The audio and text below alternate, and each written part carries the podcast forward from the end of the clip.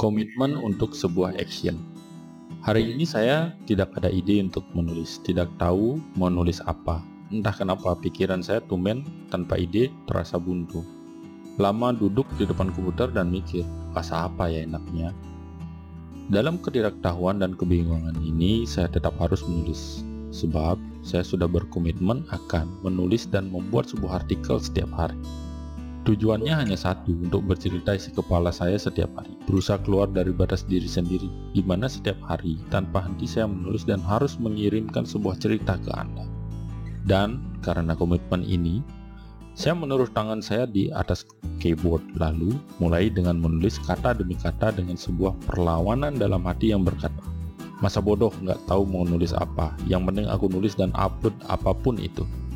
Inilah komitmen saya dan beginilah saya men-challenge diri untuk sesuatu yang saya tidak peduli ada yang baca atau tidak tulisan ini.